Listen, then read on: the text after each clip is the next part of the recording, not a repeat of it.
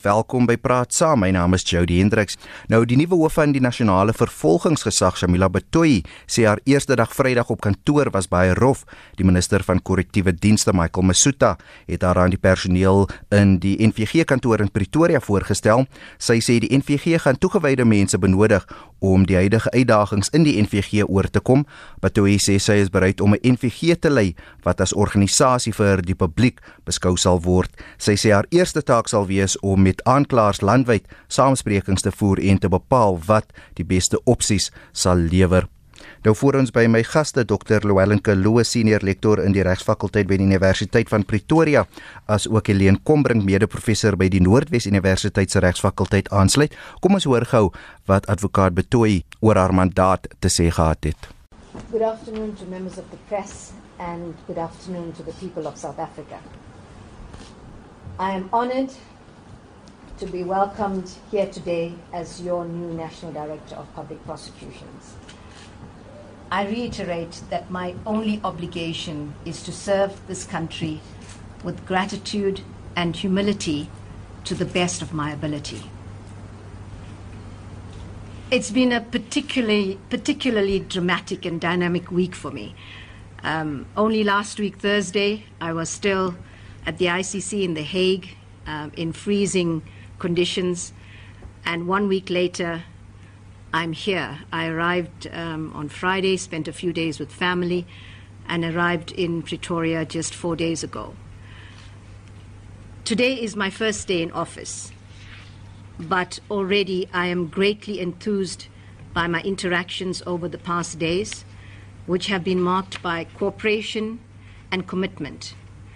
It is inspiring to see the diverse sections of government and civil society that have come together to offer their support to the NPA in this difficult road ahead, I should say. We know it is difficult, but we are determined. I return to the NPA at a time of crisis, not only for the organization, but also for the rule of law in South Africa.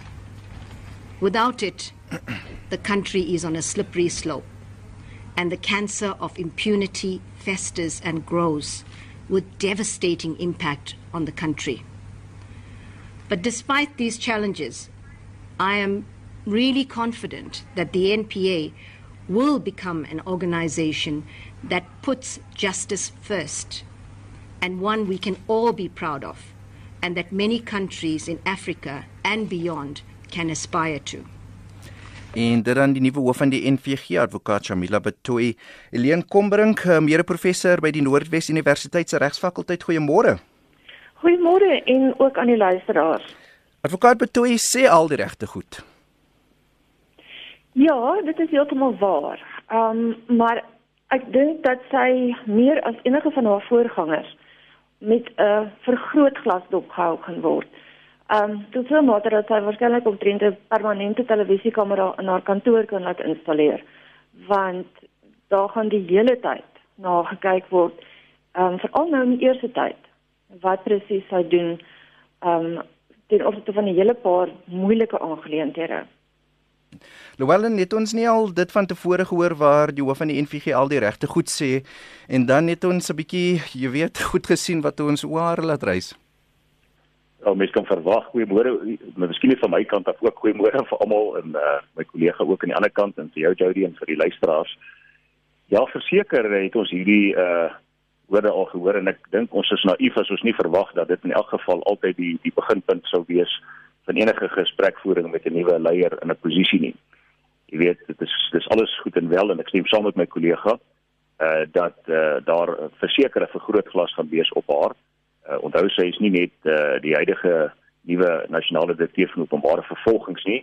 Sy is ook die eerste vroue nasionale direkteur van openbare vervolgings. So soveel te meer gaan daar sekere verwagtinge van haar gestel word uh en van haar verwag word en uh, uh ongelukkig is die tyd gepraat verby en sy erf alreeds 'n verbrokkelde nasionale uh vervolgingsgesag en uh sy sal moet baie spoedig uh weet daar by woord sit en iets doen aan die situasie. Uh die uh, om woorde te gebruik soos en ek al aan slippery slide met ander woorde 'n glybaan waarop uh, ons reeds is is uh dink ek uh, van die is, is die kern van die probleem.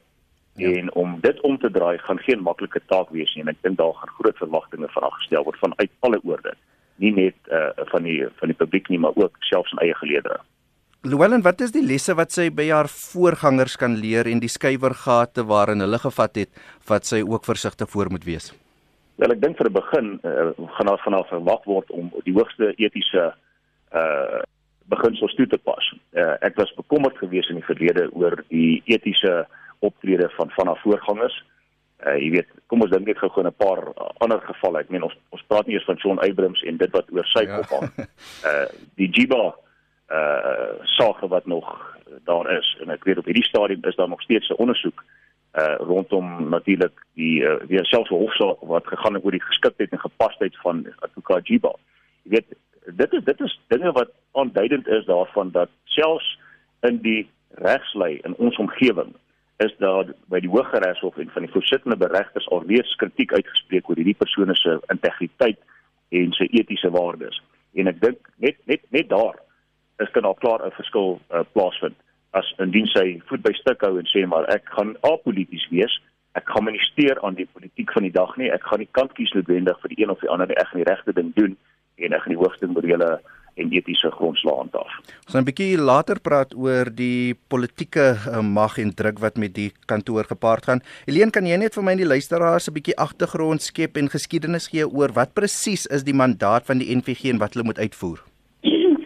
Jody, in terme van die grondwet, ehm um, gee die uh, word die mandaat aan die nasionale vervolgingsgesag gegee om uh, werk met alle aspekte van die instel van strafregtelike vervolging en ehm um, weet om alles te doen wat daarmee verband hou. Met ander woorde, ehm um, optree in die hof, beslissings maak en so meer. En dan natuurlik ook om beslissings te maak om nie te vervolg nie. Ehm um, dit val alles onder die die mandaat van die ehm um, van die NVG volgens die grondwet artikel 179 En dan moet mense ook verder kyk na die wet op die nasionale vervolgingsgesag van dit is waar addisionele aspekte van die mandaat uiteengesit word. En dit is byvoorbeeld waar mense die die frase dat die uh, NVG sy funksie sonder vrees, begunstiging of vooroordeel moet verrig. Ehm um, dit is in die in die in die wetgewing wat dan nou ingestel is om uiting te gee aan die uh, mandaat soos wat in die grondwet verskyn. Ja. Kwart oor 8 as jy wil saamgesels wat is jou verwagting van die nuwe hoof van die NVG uh, advokaat Shamila Botoy wat Vrydag in haar pos begin het? 0891104553 of stuur 'n SMS 45770 dit kos jou R1.50 kom ons gaan lyne toe. Connie op lyn 2 goeiemôre. Môre um, Jody en ook jou gaste Ja, ons sien ek dink uh, die hele uh, land sien uit na 'n verandering binne die NVG. My vraag aan Dr. Kurt Uh kan jy my hoor, Dirty? Gaan voort. Hallo. Gaan voort. Ja. My my, my vraag aan dokter uh, Kerr Lewis en ook dalk jou ander gas. As ons kyk na sake wat wat op haar besenaar gaan beland is, die van ou president Zuma. En dan vat ek nog twee ander instansies soos Eskom en Bosasa waar ek sake gaan voortsprei vir vervolging. Dis koning, my vraag is net sal dit nie in belang van die regspleging wees om te verhoed dat hierdie saak geslaag uh, uh, uh, dat hierdie saak nou nog gaan sloer nie. Met ander woorde, kan die NCG besluit daar is honderde sake teen byvoorbeeld teen oud president Zuma. Kom ons uh, spits ons toe op twee of drie sake waar daar prima facie sake is. Kry die sake voor jou of handel dit af. Want ons gaan andersins sit met appelle na die na die appelhof en konstitusionele hof en ek dink nie is in belang van die regspleging dat die NCG voortgaan met honderde klagtes teen oud president Zuma en selfs die ander medebeskuldigdes as ook die wat nou gaan voortspruit met Eskom en Botswana nie. Neem een of twee drie klagtes van daardie sake uh of of beskuldigings en en bring dit voor die hof dat dit uh, ons ons kan nie die regspleging so laat uh, verder laat laat laat sloer nie en ek dink die tyd is aangebreek dat daardie sake nou voor die hof moet dien. Baie dankie. Baie dankie Connie. Louwelen, kom ons praat gou oor die mag wat 'n uh, advokaat Shamila Betoy het, um, sy die mag om te vervolg, maar ook baie belangrik, sy kan ook besluit nie vir wie om nie te vervolg nie. Hoe werk dit? Ehm um, as ek net kan eers kan inspring, ehm okay, um, ja, die die ehm um, as jy mens kyk na die die beleid wat daar gestel is vir die NVG. dan is die algemene beginsel dat daar kan nie 'n vervolging ingestel word tensy daar 'n redelike vooruitsig op 'n suksesvolle vervolging bestaan nie. So so dit is die eerste riglyn waarna mense kyk. So as die polisie byvoorbeeld 'n dossier vir die um, vervolgingsgesag voorlê en die persoon van die vervolgingsgesag wat daarna kyk of dit nou 'n staatsaanklaer of 'n staatsadvokaat is, besluit maar hier is nie genoeg getuienis dat ons 'n redelike vooruitsig het nie dan kan die staatsaanklaer nie aangaan met die vervolging nie. As hulle dit wel sou doen, wetende dat daar nie 'n redelike vooruitsig is nie, ehm um, kan 'n mens kyk na 'n uh, siviele saak van kwaadwillige vervolging ehm um, teen die vervolgingsgesag. So so dit is die eerste riglyn. Met ander woorde, ehm um, kan sake wees waar die vervolgingsgesag gaan besluit dat ons nie gaan vervolg nie. En dan is daar natuurlik ook ander oorwegings waar ehm um, daar wel 'n redelike vooruitsig is, maar waar die vervolgingsgesag weens ehm um, byvoorbeeld menslikheids mensikheidsoorwegings besluit om nie te vervolg nie. Ehm um, om net een voorbeeld te gee is byvoorbeeld dat ehm um, 'n man en 'n vrou is in 'n ongeluk, hy bestuur en sy vrou is oorlede in die ongeluk en die vraag is dan nou gegee die feit dat hy sy vrou verloor het of hy inderdaad ook dan nou vir strafbare manslag aangekla moet word as hy nou laat bestuur het. Ehm um, dit kan wees en ek sê nie dit sal altyd gebeur nie, maar dit kan wees dat die vervolgingsgesag sou besluit dat as gevolg van die geweldige persoonlike komplikasies en implikasies van die ongeluk dat hy nie ook strafregtelik vervolg sal word nie. So daar's verskeidenheid redes. Ehm um, en een daarvan is dat dit nie in die belang van die regspleging sal wees nie. En dis waar mense nou begin kyk na die sake wat so bietjie meer van 'n 'n politieke kleur het. Ja. Ehm um, en ja, dit is dit is waar mense nou sal begin kyk van watter klagtes gaan jy ehm um, iemand aankla en in belang van geregtigheid miskien om dit gou afgehandel te kry eerder as om te wag tot al 720 aanklagte reg is om te vervolg. Llewellyn, wil jy reageer en ook aan Connie se vraag aan jou? Ja, nee, baie dankie. Uh, ek stem 100% saam met die opmerkings wat uh, Ideen gemaak het. Daarso dit is presies uh, die uitgangspunt en die uh, strategie wat die nasionale vervolgings van uh, gesag van stapel moet stuur wanneer hulle besluit of daar 'n vervolging moet plaasvind al dan nie. Maar jy weet ek wil nou teruggaan eintlik op die op die vraag wat jou luisteraar vir jou gevra het. Uh inderdaad is dit so. Jy weet dit help nie ons sit met 'n dam vol visse en jy sê vir my kom vang vis hier by my. Hier's baie visse in hierdie dam. maar jy jy weet jy het nie asie om ten minste net een te vang en hom uh, uit te haal uit die dam uit nie.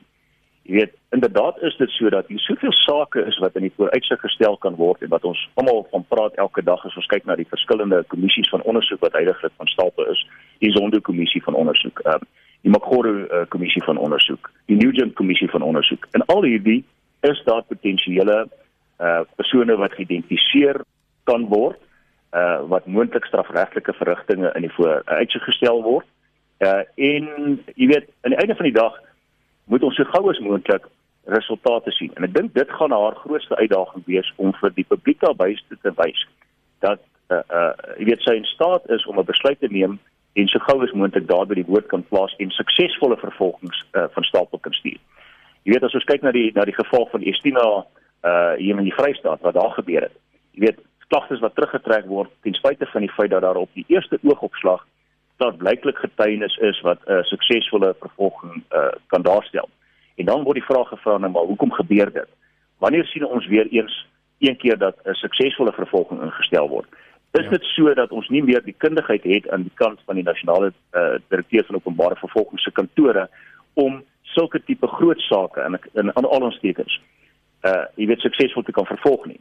En dan dink ek dan is dit vir haar uh van uiterste belang dat sy so gou as moontlik 'n paar suksesvolle vervolgings die wêreld kan instuur. En dit kan gebeur deur baie maklik kom ons noem dit nou maar daardie persone te identifiseer wat eintlik maklike vervolgings daarstel. Daardie persone wat letterlik amper bekentenisse as ek dit so in leuke taal kan uit, uitdruk. Uh jy weet afgelê. Daardie persone het alreeds min of meer skuld erken. Hoe moeilik kan dit wees om getuienis bymekaar te maak en daardie persone dan net te vervolg?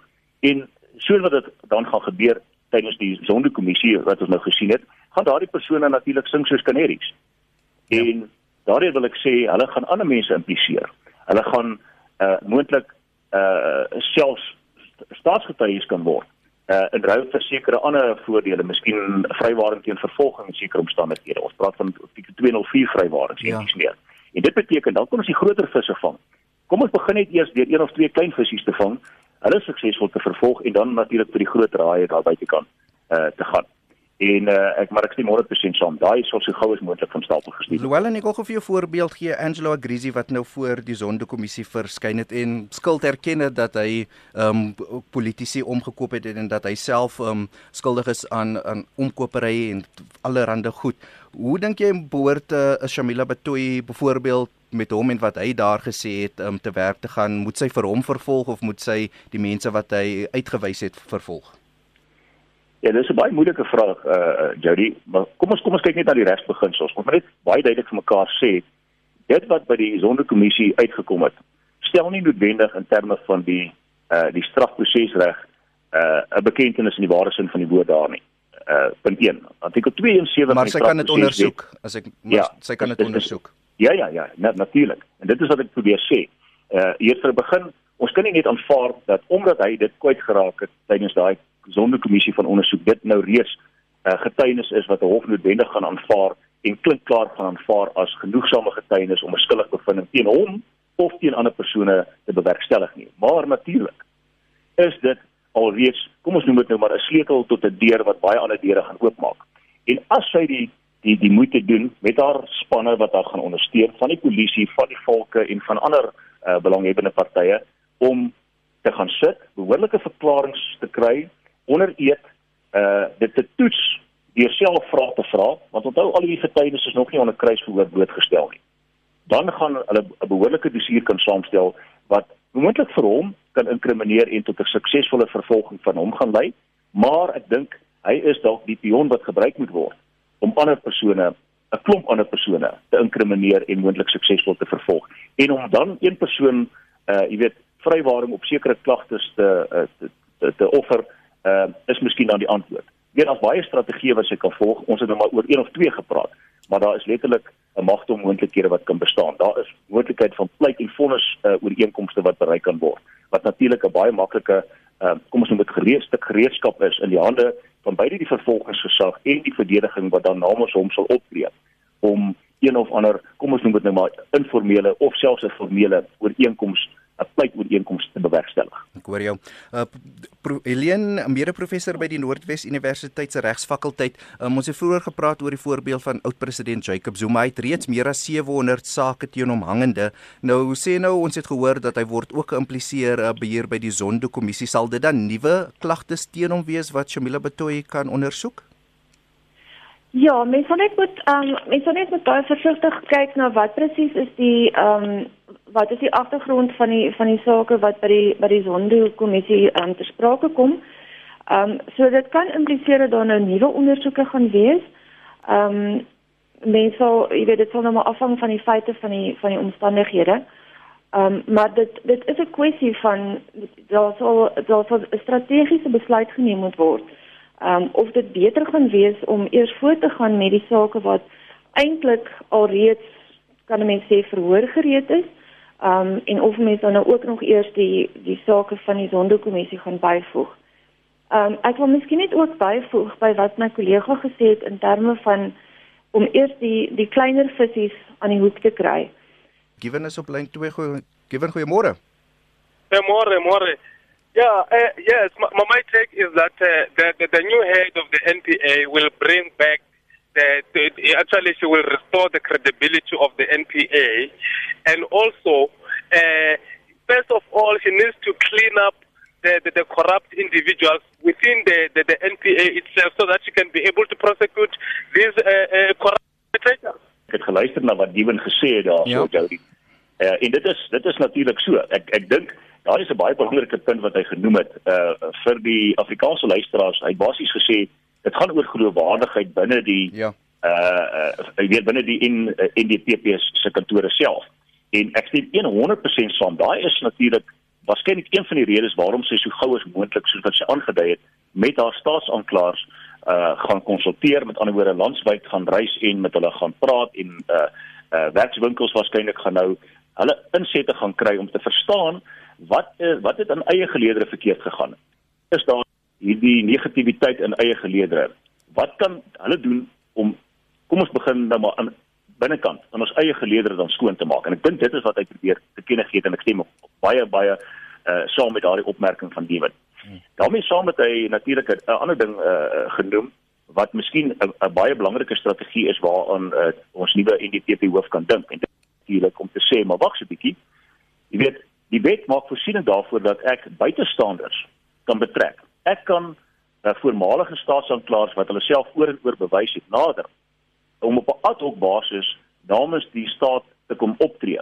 Met ander woorde in, in Engels praat hulle van outsourcing. Met ander woorde om werk buitekant te stuur en teen 'n prys natuurlik daai kundigheid terug te lok uh om suksesvolle vervolgings van stapel te stuur waar daar deskundigheid buitekant die geleedere van die uh, nasionale vervolgingsgesag bestaan wat nie meer te vind is uh, uh in eie geleedere nie. Dit sal die regte boodskap uitstuur. Dit sal ook daardie vertroue waarvan hy melding gemaak het herstel. En wanneer uh, die mense nou weer as 'n span saamwerk, En dit was altyd so. Dit is nie dit is nie dat 'n geval van dit was nog nooit so gewees nie. Ja. Dit was op 'n stadium regtig waar so dat daar daar groot vertroue in die vervolgingsgesag in Suid-Afrika was. Dat dit van die grootste uh suksesvolste entiteite was uh in ons strafregpleging. En ek dink dit is belangrik uh, wat hy genoem het daarso. Ek wil dit net baie mooi duidelik uitgestipuleer het vir ons luisteraars. Jou. Mario, ek sien jy het teruggebel. Goeiemôre.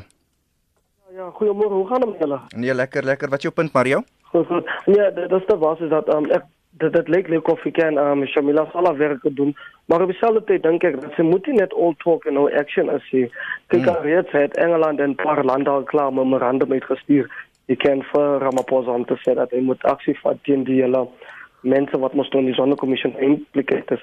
Ja. Maar ek glo nie dat hy gaan iets doen oor die saak nie. So sy moet ons bewys dat sy gaan nou regtig voorstap en iets kom en doen.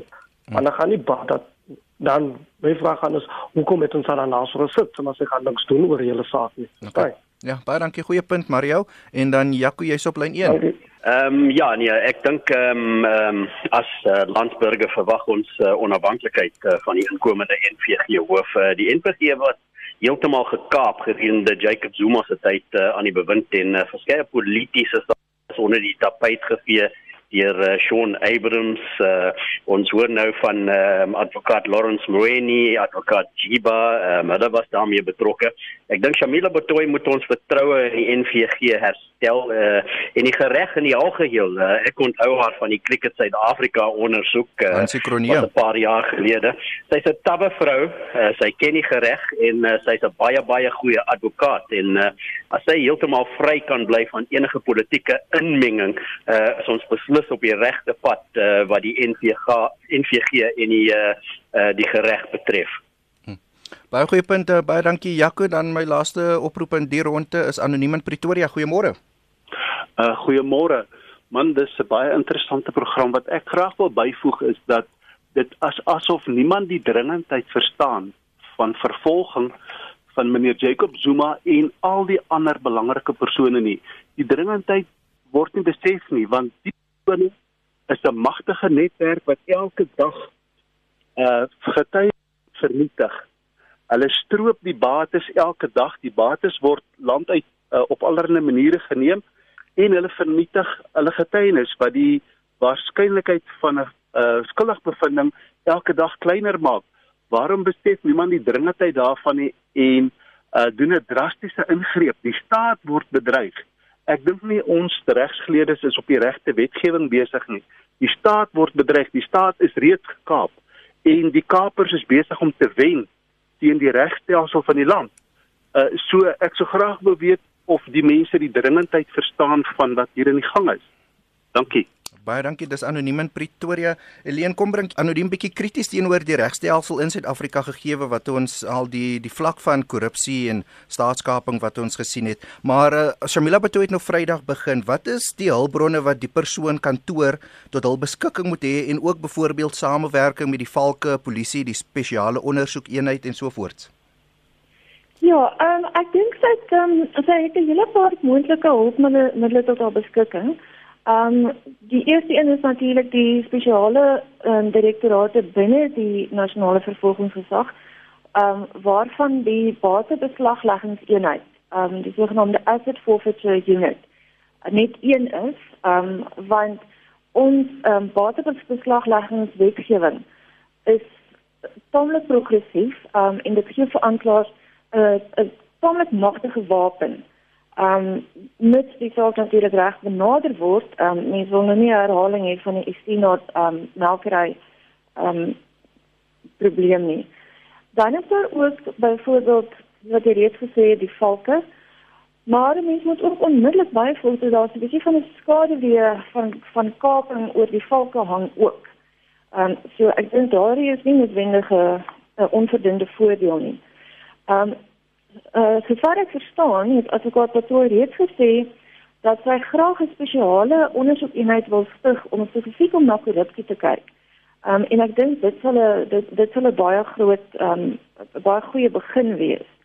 En sy het ook melding gemaak van jy jy weet so in die vlugteplan verwys dat dit dat sy wil graag sien dat daar meer samewerking moet wees tussen die vervolgingsgesag en byvoorbeeld die private sektor. Um, en hier kyk ons nou van die groot prokureursmaatskappye wat baie wat ehm um, forensiese eenhede het met geweldig baie ondervinding en kundigheid. Ehm um, maar natuurlik laat hulle kom met 'n met met 'n bietjie van 'n prys. Ehm um, en ek dink dit is die die volgende die volgende aspek wat ehm um, ek wat wat oor in haar in haar guns van moet probeer aanwend en dit is om te probeer om die begroting van die NVG ehm um, 'n bietjie aan te spreek want in die laaste paar jaar is daar maar soos by die meeste staatsdepartemente ook besnoei by die NVG en dit het ook woonbaar al die ander faktore nie 'n baie goeie effek gehad op die effektiwiteit van die NVG nie. Hmm. Ek weet nie of Dr. Kloos dalk nog iets wil byvoeg daarin. Ja, Louwelen voor die antwoord, um, ook net 'n vraag aan jou. Jy het vroeër genoem van dat hulle moontlik die van die sake kan noem dit uitbrei na privaat entiteite toe en dan ook byvoorbeeld, hoe sien jy die verhouding tussen die NVG hoof en die openbare beskermer en die samewerking tussen die twee kantore? Ja. Yeah. Ja, dankie eh, Jerry. Dit is dit is inderdaad korrek wat my kollega opgemerk het. Ek uh, ek is nog 100% uh sal uh, wat ek saamstem met daardie opmerkings. Dit dit is so en daar daar was nou net gepraat van 'n dringendheid uh, by een van ons luisteraars en en dit is absoluut krities dat daar dringend suksesvolle vervolgings moet plaasvind. Hoe gouer dit plaasvind, hoe gouer gaan daar vertroue herstel word in die nasionale vervolgingsgesag. Ons praat van die geloofwaardigheidsfaktor wat weer herstel word dit is dit dit kan nie in twyfel getrek word nie. Natuurlik is dit so dat uh sy oor 'n geweldige magte beskik om hierdie persone te betrek en nou praat ek van hierdie verskeie instansies uh uh waarna my kollega verwys het. Die volke, die uh spesiale ondersoekdirektoraat en die sweer. Al hierdie instansies het kundigheid uh en het die vermoë om bystand te verdien en haar uh, haar haar, haar kantoor te help om suksesvolle vervolgings te bewerkstellig. Natuurlik is dit so en soos ek van tevore opgemerk het, maak die wet voorsiening daarvoor dat sy kan sogenaamd outsource met ander woorde uitbrei na buite instansies toe. Hier is so hier is die opmerking gemaak dat daar 'n uh, privaat sektor en groot prokureursfirmas is onder andere wat hulle hulp aangebied het en ek dink dit is te betwyfel nie. Uh jy weet van alle geleerders af dink ek is daar die ehm um, vermoë om vir haar die samewerking te gee wat sy gaan nodig het om vervolgings te bewerkstellig. Daar daar's 'n persepsie baie keer by uh by die publiek om te dink dat veral pri privaat praktisyns, met ander woorde prokureurs en advokate daar buitekant wat in die privaat sektor uh, funksioneer, dat hulle net daarop uit is om mense te te kry of om de, om om jy weet om hulle kliënte uh jy weet uh, te laat wegstap met met letterlik ja. uh, korrupsie en moord. Dit is nie waar nie. Elke landsburger wil hê dat daar 'n suksesvolle uh nasionale vervolgingsgesag moet bestaan sodat persone wat skuldig is en werklik waar skuldig is aan misdaad aan die pen moet ry. Dit is in ons almal se belang. En uh, dit, daarmee sê ek nie dat privaat uh uh, uh praktisyns nie alles in hulle vermoë sal doen wanneer hulle optree vir 'n uh, individu om daardie persoon natuurlik tot die beste van hulle vermoë te verdedig nie. Dit is ook die ander kant van die sogenaamde rule of law beginsel waarna verwys is. Met ander woorde die oppergesag van die van die reg waarin alle persone uh die geleentheid kry uh om hulle saak tot in die hoogste howe uh te te, te veg sodat daar kan klinkklare bewyse is of hulle skuldig is of onskuldig. Dit is maar beginsels wat 'n regstaat uh laat werk en 'n demokrasie laat werk. So al daardie faktore moet gebalanseer word. Uh ek stem saam. Die die die die uh, openbare beskermer gaan 'n groot rol speel hierso. Ons sit al reeds met 'n klomp verslae in die verlede, in die onlangse verlede wat natuurlik reeds bestaan. Wat waarskynlik 'n uh, tipe van hersieningsbevoegdheid uh gaan meebring vir ons nuwe uh, nasionale vervolgingshoof. Sy sal moet gaan sit met haar spanne, dit bestudeer, selfs sake wat van tevore teruggetrek is vir een of ander onverklaarbare rede en daardie dossiere gaan hersien. Letterlik gaan sit dit heroorweeg en besluit of daar nie dalk 'n verkeerde besluit geneem is vir watter rede ook al deur een van haar voorgangers nie. En jy weet, uh, as ons net kyk na die die politieke klimaat en kom ons noem dit nou maar die swaard wat oor van hierdie voorgangers van haar se koppe letterlik hang, dan dink ek is dit miskien ook 'n baie uh, goeie beginpunt om van daardie besluite te gaan hersien. Loer gou na die SMS lyn en hier Llewellyn is 'n SMS wat sê hoe gou is gou die regsproses en vervolging vat tyd. Ja, daardie een kan ek vinnig vir jou antwoord. Uh ongelukkig uh, saam met hierdie dringendheid wat ons van gepraat het, is daar realiteite in die strafregstelsel. Een waarvan is dat daar sekere prosesse voor voorsiening gemaak word, sowel in die strafproseswet uh, as in ons howe se uh, natuurlik uh, se oorvol rolle wat ongelukkig beteken dat sake letterlik maande partykeer duur. En wanneer dit gaan oor klagtes soos korrupsie uh en uh witboortjie misdade, met ander woorde al hierdie sake wat ongelooflike klomp papierwerk en en uh, audit uh nodig het. Met ander woorde, uh deskundiges wat moet kom getuig oor die interpretasie van syfers en wat daarmee gepaard gaan.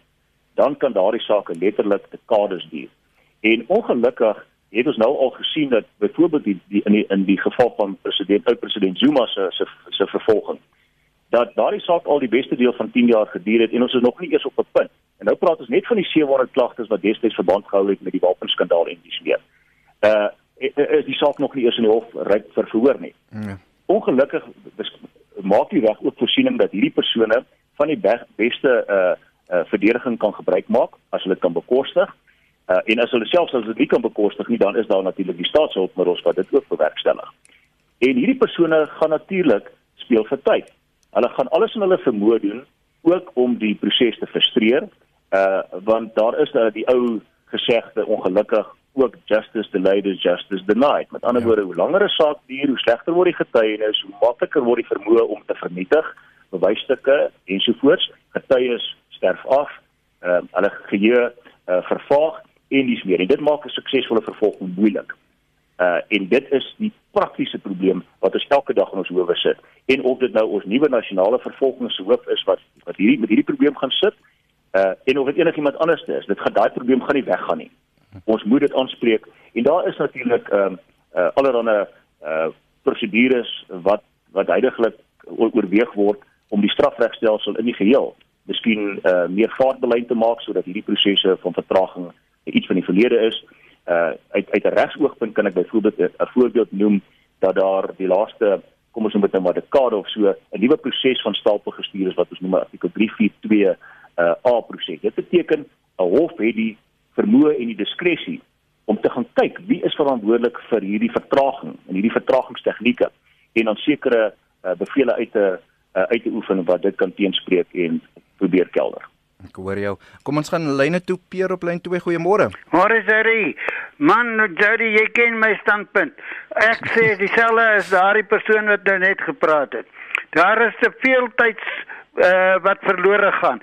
Onmiddellik as die mense geïmpliseer word vir staatskaping en korrupsie, moet 'n hofbevel gekry word en alles beslag gelê op al hulle eiendom binnelands en buitelands.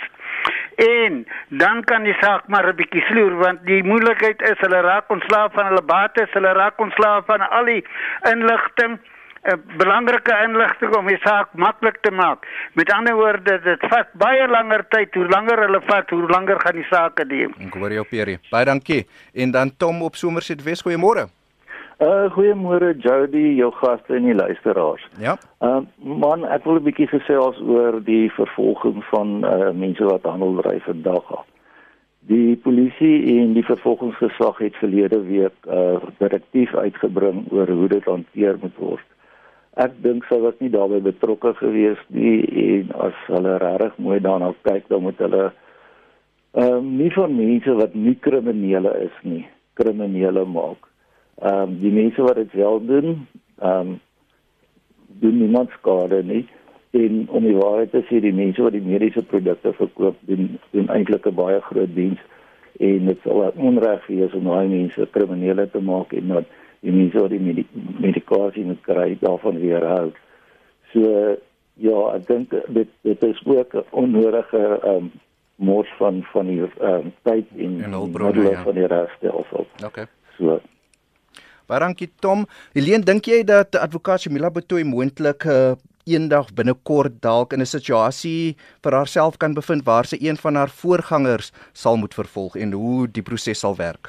Ja, ek dink nie dit is 'n moontlikheid wat mens sou kan uitsluit nie. Ehm um, ek weet nie presies ten opsigte van haar voorgangers nie, maar ehm um, in opsigte van die twee advokate, ehm um, Jiba en Raby, waar dan nou op die oomblik 'n uh, kommissie van ondersoek is, ehm um, dink ek die moontlikheid daarvoor is natuurlik heel wat groter. En dit is 'n dit sal 'n goeie toets wees vir die vir die mandaat van die vervolgingsgesag in terme van dat hulle hulle funksie sonder vreesbegunstiging of vooroordeel moet verrig want die feit dat iemand van tevore op 'n hoë posisie in die vervolgingsgesag bekleed het, behoort nie 'n rol te speel in die manier waarop die um, meriete van hulle saak oorweeg word nie.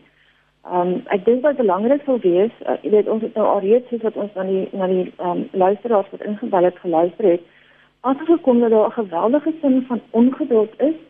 Ehm um, in terme van ons sloer so lank en ons dit is dit is so ooglopend op 'n sekere manier.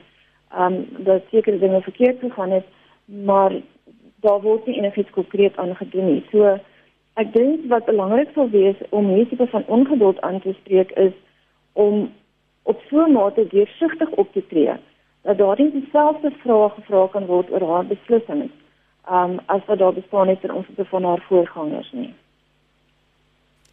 Dr. Llewellyn Kloos Ons het by die Sonderkommissie baie hoë profiel politici se name gehoor. Ons het in die verlede gesien hoe uh, een van die luisteraars het vroeër daarna verwys dat hoe die kantoor van die NVG basies gekaap was deur politici.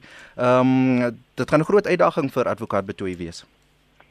Ja, absoluut. Uh, die opmerking wat sopas uh, deur professor Kombrink gemaak het, dit maak natuurlik heel hartig sin. Ek meen daar daar kan geen uh, onduidelikheid daaroor wees nie. Jy weet ons moet besef uh, weet die die die publiek en mense daar buite is frustreerd want hulle sien hierdie dinge, hulle hoor hierdie dinge gebeur, hulle hoor al hierdie aantuigings en mense wat geïmpliseer word uh tydens uh hierdie sittings van onder andere die Sonderkommissie en baie ander kommissies van ondersoek wat ons van weet. Ons sien hierdie verslag van die openbare beskermer en ons hoor al hierdie dinge maar ons sien niks gebeur nie.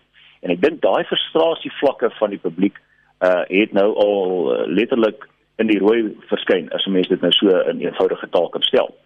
So wat moet gebeur hierso is daar sal werklik opgetree moet word Uh inderdaad is dit so dat geen persoon verhewe is deur die reg nie.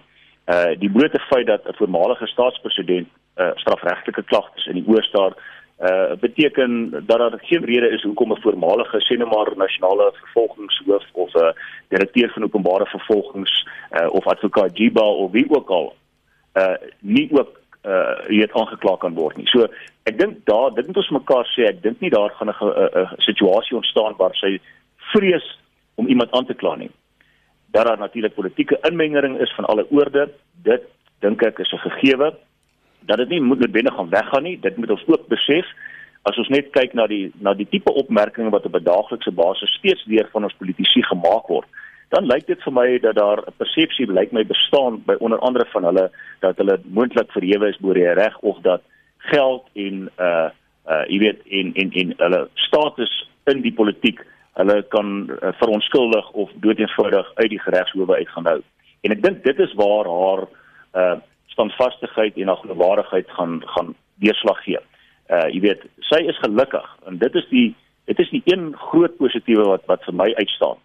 As 'n voormalige beampte wat nou ge, uh, verbonde was in die internasionale regshof uh in Den Haag, um, is sy nou ge, gemoed ook gewees met van die hoogste profiel sake in die wêreld Maar daar waar die groot groot kom ons noem dit nou maar kriminele dan nou as jy wil uh aangekla word. Mense wat letterlik van menseregte slagtings aangekla word, van massamoord, van die die die gruwelike dade van die samelewing op 'n hoë skaal.